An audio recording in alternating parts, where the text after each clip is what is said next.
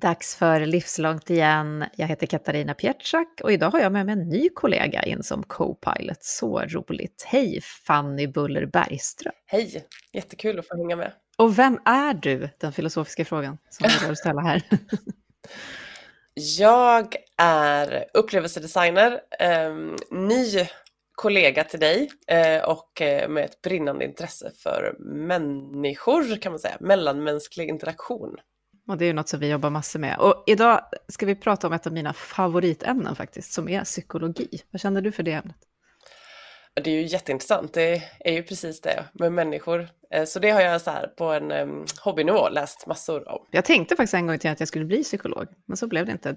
Men jag blev då först journalist och sen coach och facilitator och utbildare, så jag tror att jag liksom, det här ställa frågor eller gräva lite hos människor, det gjorde jag ändå.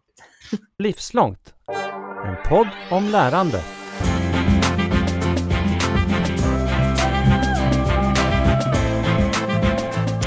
Det här ska vi prata om idag och det ska vi koppla till lärande förstås. Eh, när vi designar, ska jag bara innan vi kör igång Fanny, för lärande ihop du och jag, hur, hur tänker du att vi automatiskt kommer in just på människor och psykologi? Då? Jag tänker ju att eh, för att det ska ske lärande så måste ju människan vara i fokus. Ehm, så det handlar ju väldigt mycket för mig om att förstå vilken upplevelse vi vill skapa, vilken eh, situation eller lärandeupplevelse. Ehm, annars tänker jag att det är jättesvårt att få till lärande. Ja, verkligen. Och där ser man ju också hur massa olika människor reagerar på olika sätt. Men du sa hobbynivå, då tar vi in eh, experten här då, helt enkelt. Eh, välkommen till Livslångt Jessica Köring Ljungberg. Tack så mycket. Tackar. Du är då eh, professor och inte på någon hobbynivå som vi. Professor i teknisk psykologi vid Luleå tekniska universitet. Hej! Hej, tusen tack.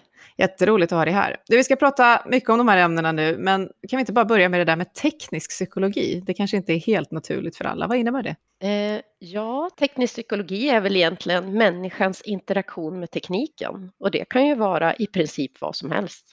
Allt ifrån avancerade robotar och hur vi utvecklar displayer till hur vi manövrerar olika saker. Det kan vara allt i liksom den här kombon människan och teknik. Mm. Och idag är ju det nästan allt, precis som du säger. Vi interagerar ju så hela tiden. Ja. Men du, jag pratade om min dragning till eh, psykologin och alla som lyssnat ens en minut på den här podden eller jobbat med mig vet också vad starkt jag känner för lärande. Men vilka har varit dina drivkrafter och fascinationer in i de här ämnena som vi kombinerar idag?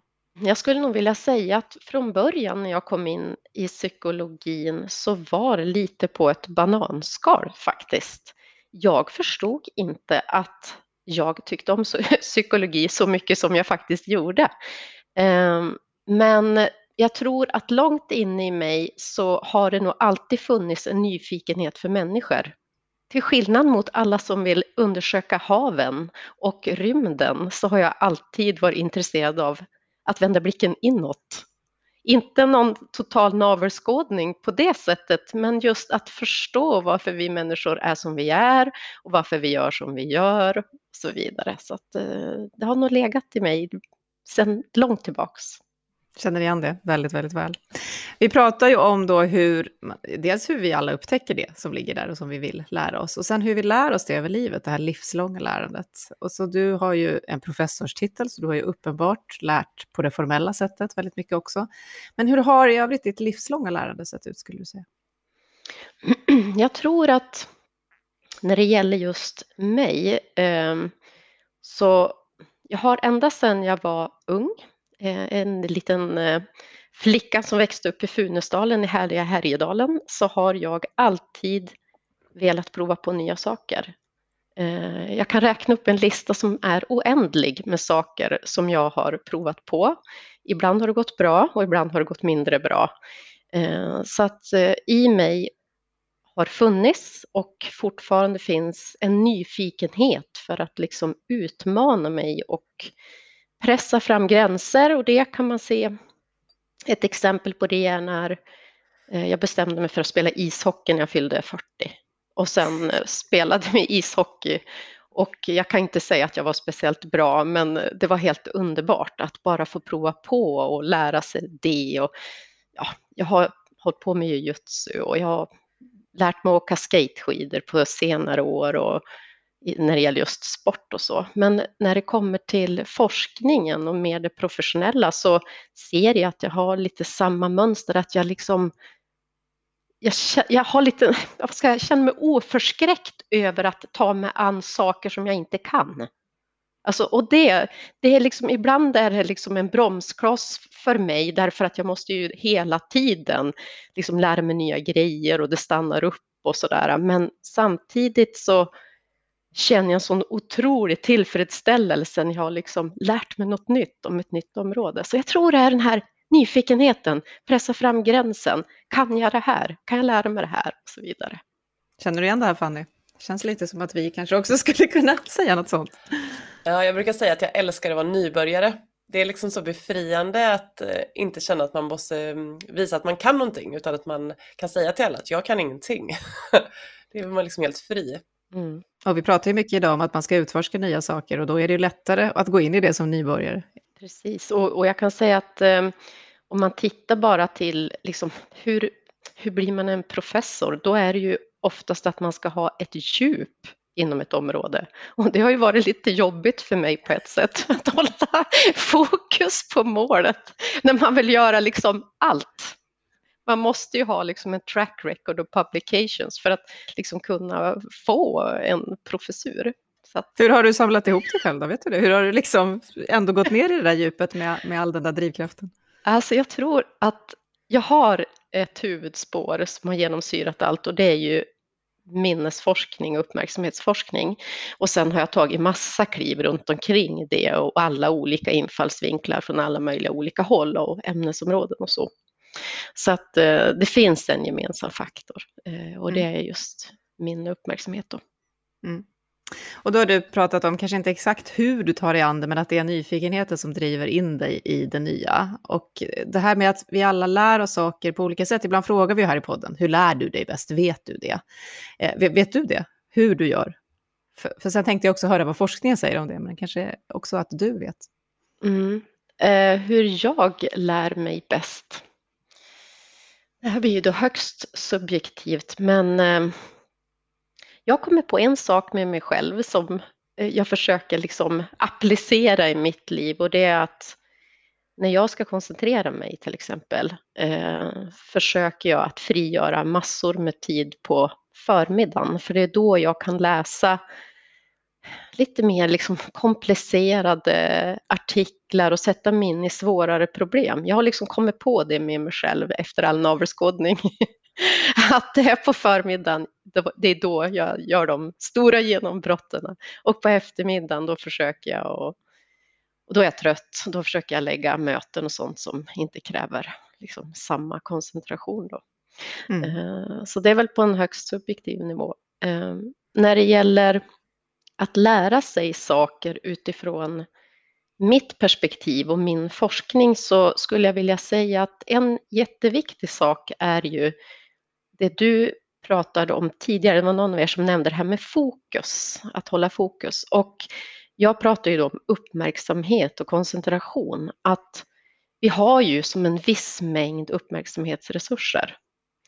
Och Eh, om vi är till exempel distraherade av olika saker, till exempel att det händer mycket saker runt omkring oss, att vi har många tankar, liksom i vårt huvud, för det är ju också, vår uppmärksamhet är ju inte bara utanför oss, det är också inuti oss. Som era tankar kan ju snabbt försvinna ner om jag säger så här, hur känns det i högra foten? Då tänker ju ni på hur det känns i högra foten och det är ju också, då, då tar ju uppmärksamheten vissa resurser från er. För ni tänker nu lite på hur det känns i högra foten och då blir det mindre resurser över till vad jag säger. Eh, så både vad som händer runt omkring oss, om det händer olika ljud eller människor går förbi och hur jag, om jag tänker på vad jag ska laga för middag eller mitt barn som klättrar i en ställning bakom ryggen. Alla de här sakerna tar ju en procent liksom uppmärksamhetsresurser från oss.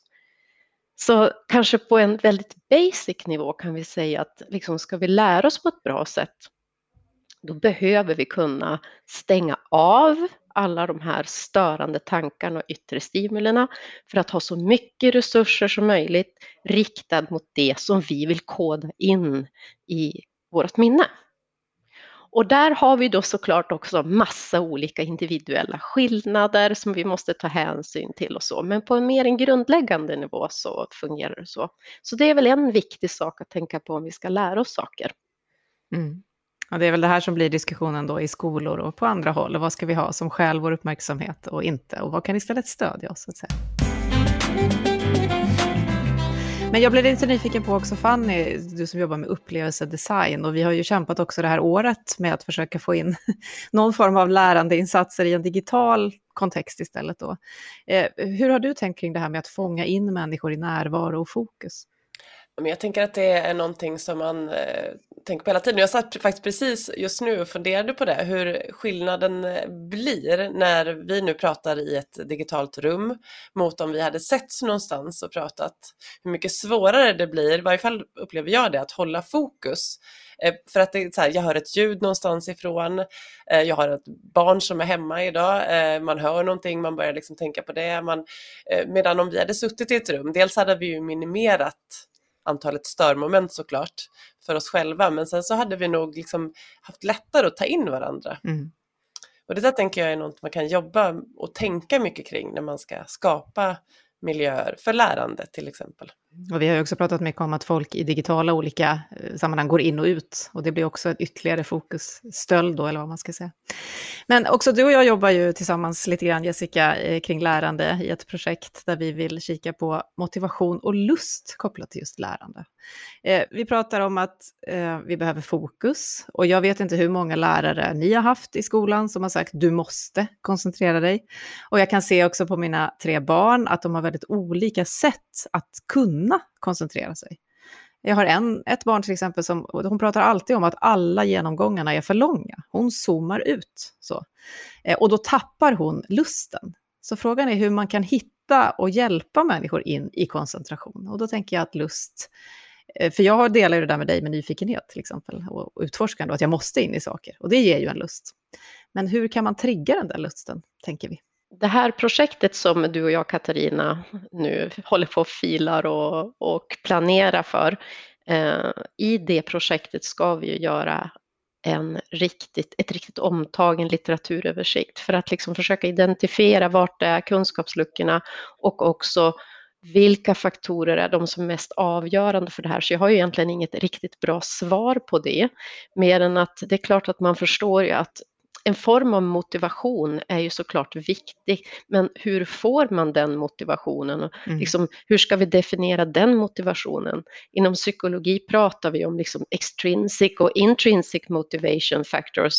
Uh, om det är en teori som man arbetar mycket utifrån idag är jag lite osäker på. Jag tror att det finns saker som talar emot det, att jag har sett studier som ifrågasätter just den teorin lite grann. Uh, men om vi inte bryr oss om det så såklart vi måste ju hitta vad är det som driver de olika individerna och precis som du sa Katarina så vi är ju alla unika på olika sätt och har olika sätt att lära oss på såklart. Så jag tror inte det finns ett färdigt recept som vi liksom kan applicera på alla personer. Det tror jag inte. Mm. Eh, men jag skulle vilja sticka in och säga en sak eh, när det gäller just det här med att lära sig och det är att vi publicerade en studie för ett par år sedan som ändå var lite intressant tycker jag, där vi såg att våra ungdomar idag och även vi unga medelålders vuxna eh, media multitaskar ju ganska mycket. Eh, det har ju som skett nästan ett paradigmskifte där vi har liksom gått ifrån att sitta och läsa en bok ostörd till att nu göra tusen saker samtidigt. Eh, och i, de, i den studien som vi publicerade såg vi att ju mer folk media multitaskar, desto bättre var de att prestera på uppmärksamhetsuppgifter som vi hade i labbet, där man måste växla sin uppmärksamhet. Och utifrån den studien så tror vi också att det finns, och det, det var det jag ville sticka emellan med, att det kan finnas en träningseffekt, alltså att hjärnan är formbar. Så har du svårt för någonting när du ska lära dig någonting nu, så tror vi att du kan träna upp den, i alla fall till en viss nivå. Otroligt spännande, för man pratar ju ofta, vi var ju också inne på det nyss, med fokus. Och då kan man ju tänka sig att det där med multitasking skulle störa det då. Så väldigt spännande att man ändå kan se den här träningseffekten då. Absolut, man kan se den träningseffekten och det vi pratar om nu i vår grupp lite grann det är ju det här att liksom, ska vi följa med i ungdomarnas utveckling? Om man tittar på våra ungdomar idag så orkar inte de, många orkar inte liksom sitta och koncentrera sig och läsa långa texter om filosofer därför att de är van att växla sin uppmärksamhet hela tiden mellan olika saker. Om det är bra eller inte, det säger jag ingenting om. Eh, men att hur ska vi tänka? Ska vi följa med den utvecklingen? Utveckla digitala lärverktyg som vi pratar om i vår grupp nu för det livslånga lärandet, som jag tror kommer bli jättehäftigt. Eh, och samtidigt följa med utvecklingen och inte vara bakåtsträvare, också eh, liksom behålla den här tanken om att vi vet att vi behöver ibland tyst mm. och lugn och ro för att kunna koncentrera oss. Hur ska vi få ihop det här? med det här snabba informationsflödet, attraktiva lärplattformar och samtidigt uppmuntra till att ibland måste du stänga av, ibland måste du ha lugn och ro. Mm. Jag har inte fått mitt huvud runt det här riktigt. Nej, det vet jag inte om någon har. Det är verkligen ett svårt sånt tidsdokument vi lever i mitt i på något vis.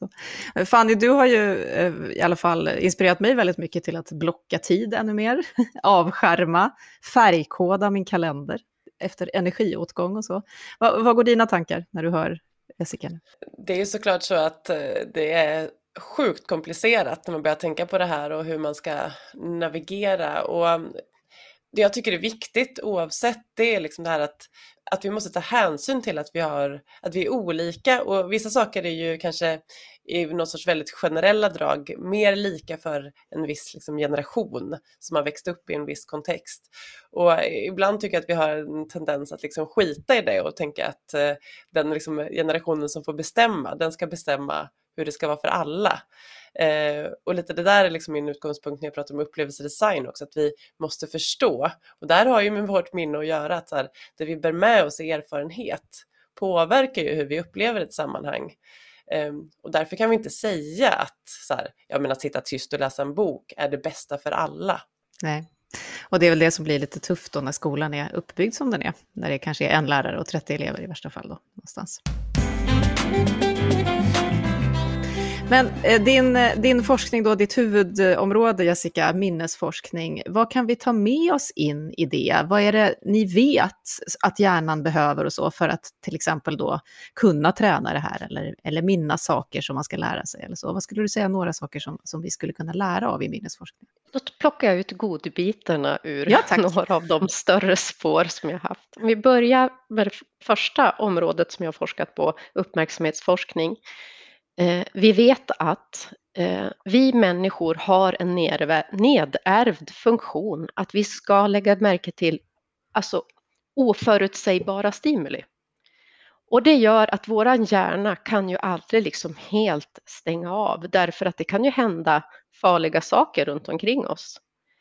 Och så länge vi är i en miljö där det händer oväntade saker så även om du tycker att du koncentrerar dig så du kan inte blunda med dina öron till exempel, så hjärnan kommer att registrera ljud och det tar energi från dig. Så det första är att människan tycker om att kunna förutsäga saker. Det är då vi mår bra. Eh, så länge det händer oväntade saker, då tar det resurser av oss. Och det kan man komma ihåg därför att vill man då ha fullständig lugn och ro, då måste man ta bort oväntade saker som vi inte kan kontrollera. Typ barnen. Ja. typ barnen. Kände jag plötsligt. Ja, nej, men ta inte bort nej, dem. det är ingen som vill. nej, de behöver dig. Mm. Eh, sen om vi tittar på minnesforskningen som vi har gjort i det senaste projektet, där har vi tittat på hur pass formbar hjärnan är då, som, det hänger ihop med det här media multitasking, men det var ett, ett stickspår, för vi har tittat på äldre personer. Och en slutsats som vi drog från det projektet, det avslutas faktiskt nu om bara några veckor, efter sex år. Eh, men en viktig lärdom tycker jag, det är att det ser ut som när vi tränar någonting, alltså nu pratar vi då mentalt, vi blir bättre eh, om vi anstränger oss, vi koncentrerar oss och vi håller på med någonting länge. Till exempel, vi lär oss att prata två språk, det är ju ganska jobbigt. Vi ser att tvåspråkiga ligger lite högre på vissa typer av minnesuppgifter, alltså de presterar lite bättre än de som är enspråkiga. Inte på allt utan bara på vissa saker. Ungefär som när man går på gymmet och bara tränar sin biceps. Man blir inte bättre på att springa men man blir starkare i biceps. Mm. Och då såg vi att tvåspråkiga är bättre i vissa minnesprocesser. Då. Men så fort de slutar att använda sina språkkunskaper, då tappar de den där fördelen. Eh, och det såg vi tidigt och det är någonting som vi fortfarande tror på tills, tills motsatsen har bevisats. Så vi kan alltså träna någonting, men den tråkiga nyheten är att för att ligga på topp mentalt så måste vi fortsätta aktivera oss, precis som vilken muskel som helst. Mm. Jag känner plötsligt ett starkt behov av att prata väldigt mycket polska, som jag inte gör så ofta längre, men som jag då har från början, för att få ligga på topp. Men jag hade faktiskt en, en liten tanke om det alldeles nyss, för jag har släkt och familj i Polen. Och något som har slagit mig när jag har varit där, och särskilt när jag var barn, jag kom dit första gången som 13-åring, men då hörde jag de polska barnen rabbla otroligt mycket ramsor och texter, långa, utan till. Och det fick de lära sig i skolan. Och det är ju någon slags lärande genom repetition, som kanske inte är det vi pratar om allra mest idag när vi pratar om upplevelser eller att söka information eller förmågan att lära. Vad skulle du säga om förhållandet mellan repetition och lärande, Jessica? Ja, alltså jag skulle säga att man har ju ända sedan jag själv läste alltså psykologi och minne eh, så har vi alltid pratat om repetition, men det har ju som ramlat bort från Eh, introduktionen till minnesstudier eh, i psykologiböckerna. Eh, jag tror inte man kan säga att repetition, att man kan stryka det, därför att varenda gång du, du tänker på någonting, något speciellt, eh, då liksom gör du upp en liten stig i din skog inne i din hjärna för att ta dig fram till det biblioteket och hämta den rätta boken. Och så går det ett tag eh, och du, du tänker inte på den saken igen då kommer den där stigen att växa igen. Men börjar du tänka väldigt ofta på vissa saker så du måste till samma hylla och hämta samma bok, då blir det en stig där. Och det gör att det blir lättare och lättare att tänka på den saken. Eh, så vi, repetition är ju inte fel, utan det är ju, jag tror att när man säger att man börjar stryka det här med repetition är väl kanske själva i lärprocessen att nöta, nöta, nöta just det kanske inte är det effektivaste sättet. Eh, men att liksom återkomma till ett minne flera gånger skapar minnesspår och det blir lättare att hitta rätt bok i bokhyllan, mm. ska jag vilja säga. Ja, och så den här diskussionen som man ofta hamnar i, eller om det bara är jag som ofta hamnar i den, om det är kunskap eller lärande. Man kan ofta hamna i någon slags polariserad debatt där. Den kanske vi då skulle ta oss an på ett annat sätt. Det är ju aldrig så svartvitt. Mm. Ehm, I det här eh, livslånga lärandet som vi alla eh, pratar om nu i alla olika kontexter, vad skulle du säga är det viktigaste att vi förstår ur de här olika aspekterna? Om vi då måste träna oss, om det är bra att komma tillbaka till stigarna i skogen, mm. om vi inte är klara efter universitetsutbildningen eller så. Vad är det viktigaste att vi tar med oss? Jag tror att en viktig sak är att eh, följa med i samhällsutvecklingen faktiskt och inte bli kvar i de här gamla strukturerna utan vi måste våga prova nya eh, och ta nya omtag, kanske även i skolan och på arbetsplatser. Att våga liksom se vart vi är på väg och jag säger ju det delvis därför att vi själva tror ju på det här med att kanske våga använda nya digitala lärverktyg och ta det till hjälp förstås. Det finns säkert andra knep också. Eh, sen tror jag att vi måste liksom komma ihåg att varje människa är unik, att vi har olika sätt att lära oss på.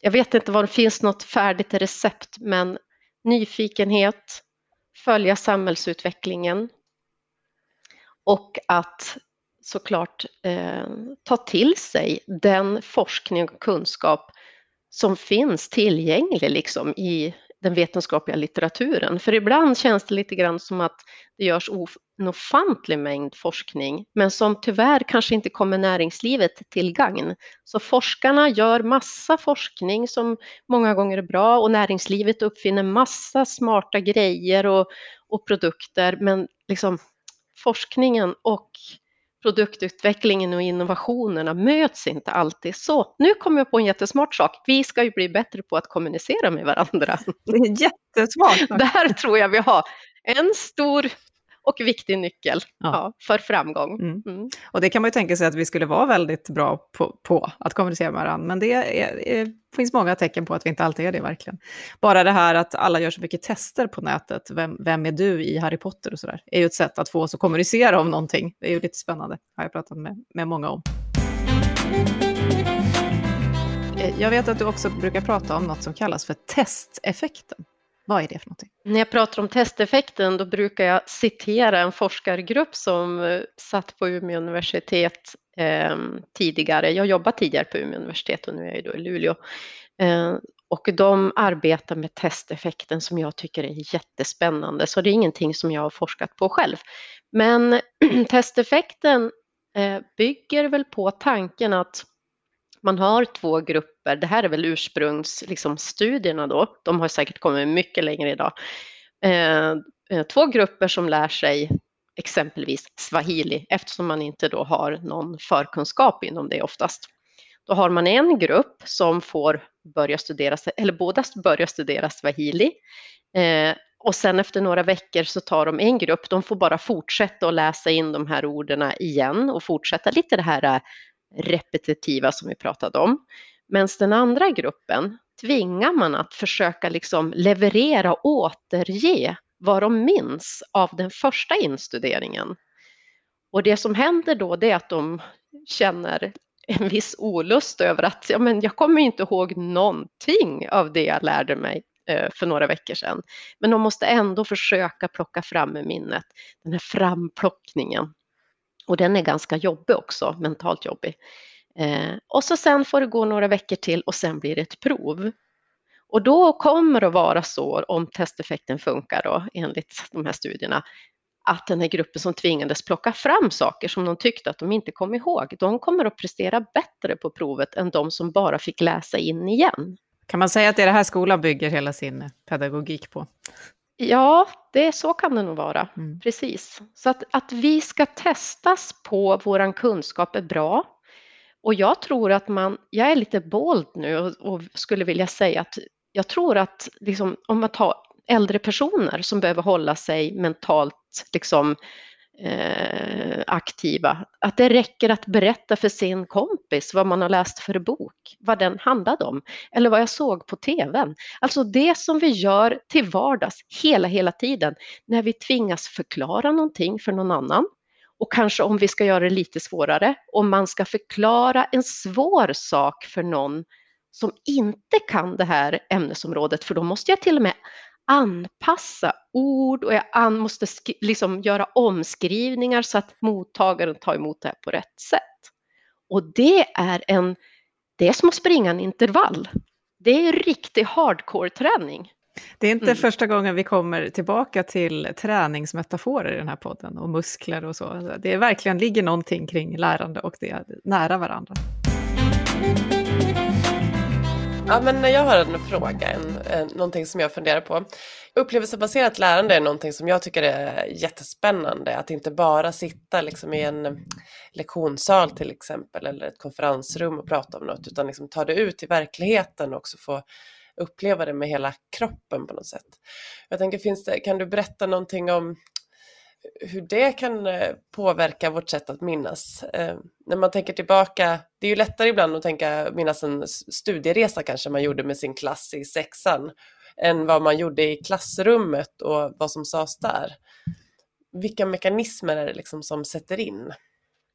Jag skulle kunna tänka mig att det som händer när du åker på klassresan jämfört mot när du sitter i klassrummet, det är att du liksom tolkar in mer, alltså dina sinnen, du får mer ledtrådar till alla dina sinnen, kanske dofter, smaker, det är liksom fler sinnen som är aktiva när du sitter helt stilla i din skolbänk. Det skulle jag kunna tänka mig är en anledning till att du har liksom ett bättre minne för just den upplevelsen.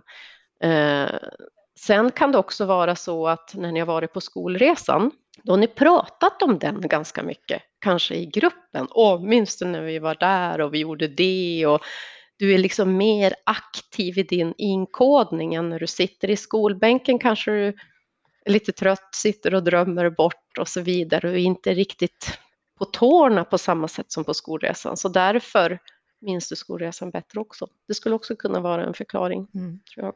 Jag tänker också att i den här tiden nu när vi är många som har suttit hemma i vårt kök i 14 månader och dagarna är fyllda av saker som vi gör och lär oss, men de är väldigt likadana. Det du slår upp dina digitala möten och, det, och tiden går så märkligt fort och sakta på en gång. Det, det är som att allting flyter ihop och då tänker jag just det att du får inte tillgång till någonting annat som skapar det här som du just beskrev, Jessica. Det blir inte mm. det här brottet som gör att du kommer ihåg att men då gjorde vi det här som vi inte gör annars, utan det är väldigt likt. Mm. Mm. Och så jag skulle vilja säga också att det är så att det är så komplicerat allting runt våra människor så att den, jag vill bara säga att när jag förklarar någonting nu, då försöker jag förklara det utifrån liksom mitt lilla fält i psykologi. Men jag kan slå vad om att det finns en hel hög med artiklar inom emotionell forskning inom psykologi som kan förklara skolresans liksom, ja, minnen på ett annat sätt. Mm. Eller personlighetsforskningen eller, och så vidare. Så att man får komma ihåg att det finns liksom ingen sån där svartvit sanning tyvärr. Men man kan pinpointa vissa områden och förklara dem. Men vi människor, vi är multifacetterade. Verkligen. Vi har ett litet eh, koncept som vi kallar för sju snabba och sen kanske en filosofisk. Och då är det antingen eller-frågor, vi kör bara lite snabbt. Lära själv eller tillsammans med andra? Tillsammans med andra. Youtube eller Kunskapskanalen? Kunskapskanalen. Sa du lite uppgivet. Nej, men jag gillar Youtube också. Alltså min son har introducerat Kurt Cusack. Fantastiskt lärprogram på Youtube, så jag blev lite kluven. men ändå, fortfarande Kunskapskanalen. Okej. Okay. Eh, utbilda eller utbildas? Måste jag säga en av dem. Därför att om man utbildar så lär man sig jättemycket saker, precis som när man blir utbildad. Nej, du måste inte. Jag tycker det är kul att du Jag väljer utmanar. båda. Ja, du väljer båda. Okej. Okay. Här då, hands-on eller instruktionsbok? Hands-on. Mm. Jag tror inte att någon hittills har svarat instruktionsbok, vilket också är intressant i sammanhanget. Jag tror inte det. Mm. Det är väldigt spännande med tanke på hur många sådana man får, tänker jag, när man ska lära sig saker. Okej, okay. TED-talk eller bok? Bok. Är du en läsande person? Det låter så när du har pratat förut om. Mm. Ja, det är jag. Mm. Podd eller rörlig bild? Eh, rörlig bild. Förlåt. Ja, du, det är helt okej. Okay. Jag är glad att du är ärlig. Och mikrolärande på bussen eller universitetskurs? Universitetskurs. Vad, vad, vad hade LTU sagt om du hade svarat någonting annat? Oj. Nej, men vad tänker du om universitetskurser och lärande liksom, i stort idag när vi pratar om det här livslånga där vi bygger på mycket? Jag älskar ju universitetet, så att eh, jag är en stor förespråkare av att läsa på universitetet. Då säger jag inte bara för att jag jobbar där. Det är den bästa, mest underbara miljö jag vet. För där spirar det av livslust och liksom kunskap och nyfikenhet. Och nu finns det såklart många universitetskurser som säkert inte är bra. Men jag hoppas och tror att de flesta är det. Och jag hoppas och tror att de flesta som läser på universitetet tycker att de har haft en bra tid. Så att universitetet, det är Edens lustgård, det kanske var att ta i. Underbart, underbart. Men då försöker vi oss på någon slags filosofisk, bara liten krok på det då. Om vi mm. alla kände så, som du nu så passionerat beskrev, och om vi alla tog oss an lärandet ännu mer, vad, vad, tror du, hur tror du att det skulle påverka vårt samhälle? Hur skulle det kunna bli om vi fokuserade ännu mer på det här?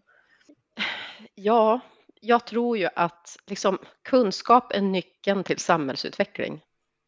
Alltså alla, jag, jag, skulle vilja ge kunskap, liksom, jag skulle önska att alla människor kände nyfikenhet och lust att ständigt vilja utvecklas. Att, att liksom känna sig nyfikna inför liksom nya utmaningar, därför att jag tror det kommer att driva innovation framåt. Det kommer att liksom ge världsfred. Nej, men jag tror att det är nyckeln till mycket gott och jättebra för vårt samhälle och för alla. Jag tror det. Fantastiskt fin avslutning. Enormt stort tack Jessica för att du var med i podden Livslångt och pratade om minnesforskning och lärande. Tack. Och nu eftersnacket. Det var härligt med någon som är så oerhört passionerad och tänker att världsfreden och eh, samhället utvecklas. Jag håller med om det verkligen, att det skulle vara så mycket som skulle vara vunnet. Vad, vad stannar med dig efter det här samtalet, Fanny? Det känns ju väldigt lyxigt att få en hel halvtimme med en minnesforskare efter att i flera år ha undervisat i upplevelsedesign och pratat just om minnet utifrån liksom allt det jag har lärt mig och läst på universitet och eh, hemma vid. Jag tycker att det är men, otroligt spännande att liksom, tänka kring hur vi kan träna våran hjärna under livet. Att det här med liksom att det faktiskt handlar om träning. Men när du har gjort det, när du har jobbat med de här olika upplevelsedesignerna, jag tänker på om man nu sitter på sitt jobb och, och tänker att nu ska vi försöka få till något riktigt bra här, och så kopplat till det här som vi har pratat om nu. Har, finns det några små saker vi kan skicka med, eller små tips som man skulle kunna tänka sig? Du var inne lite på det där, hela kroppen och tillgång till sinnen och så, men vilka är dina tips? Ja, men mitt grundläggande tips är väl att inte tänka så här att vi ska göra någonting som alla ska uppleva på det här sättet. Det tycker jag är så klassiskt. Nu ska vi ha en härlig stund tillsammans och så gör vi liksom enligt eh, vårt eget perspektiv någonting som är bra. Men att förstå liksom att eh, våra minnen påverkar hur vi upplever ett sammanhang. Så det är inte alla som som tycker att det där du finner så himla härligt är så på samma sätt. Eh, så det tycker jag är liksom ett steg ett, att förstå att det enda vi kan göra är att designa förutsättningar för att någon ska uppleva något. Jag tänker ofta också som någon slags facilitator eller utbildare på att det är viktigt att testa sig fram, just med tanke på att inte allt är lika för alla eller fungerar lika för alla.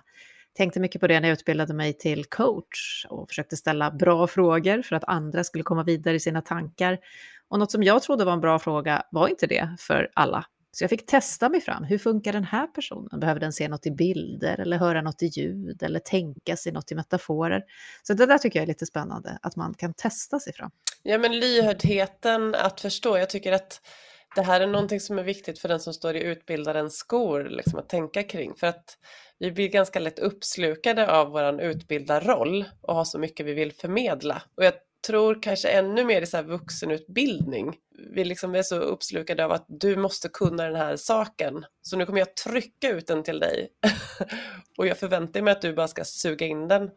Mm. Så jag tror det här är någonting som man verkligen kan jobba med på arbetsplatser och olika former av utbildningsorganisationer. Och lite det här med lust och lek som vi var inne på också, för att skapa motivation. Det glömmer vi ju rätt snabbt som vuxna, att mm. leka. Mm. Ha, men ska vi säga så för idag då? Tack så hemskt mycket för att du var med i podden. Så roligt att ha dig här. Tack. Hej då. Hej då. Du har just hört Livslångt, en podd från RISE om allt det där man lär sig i livet. Vi hörs om en vecka igen.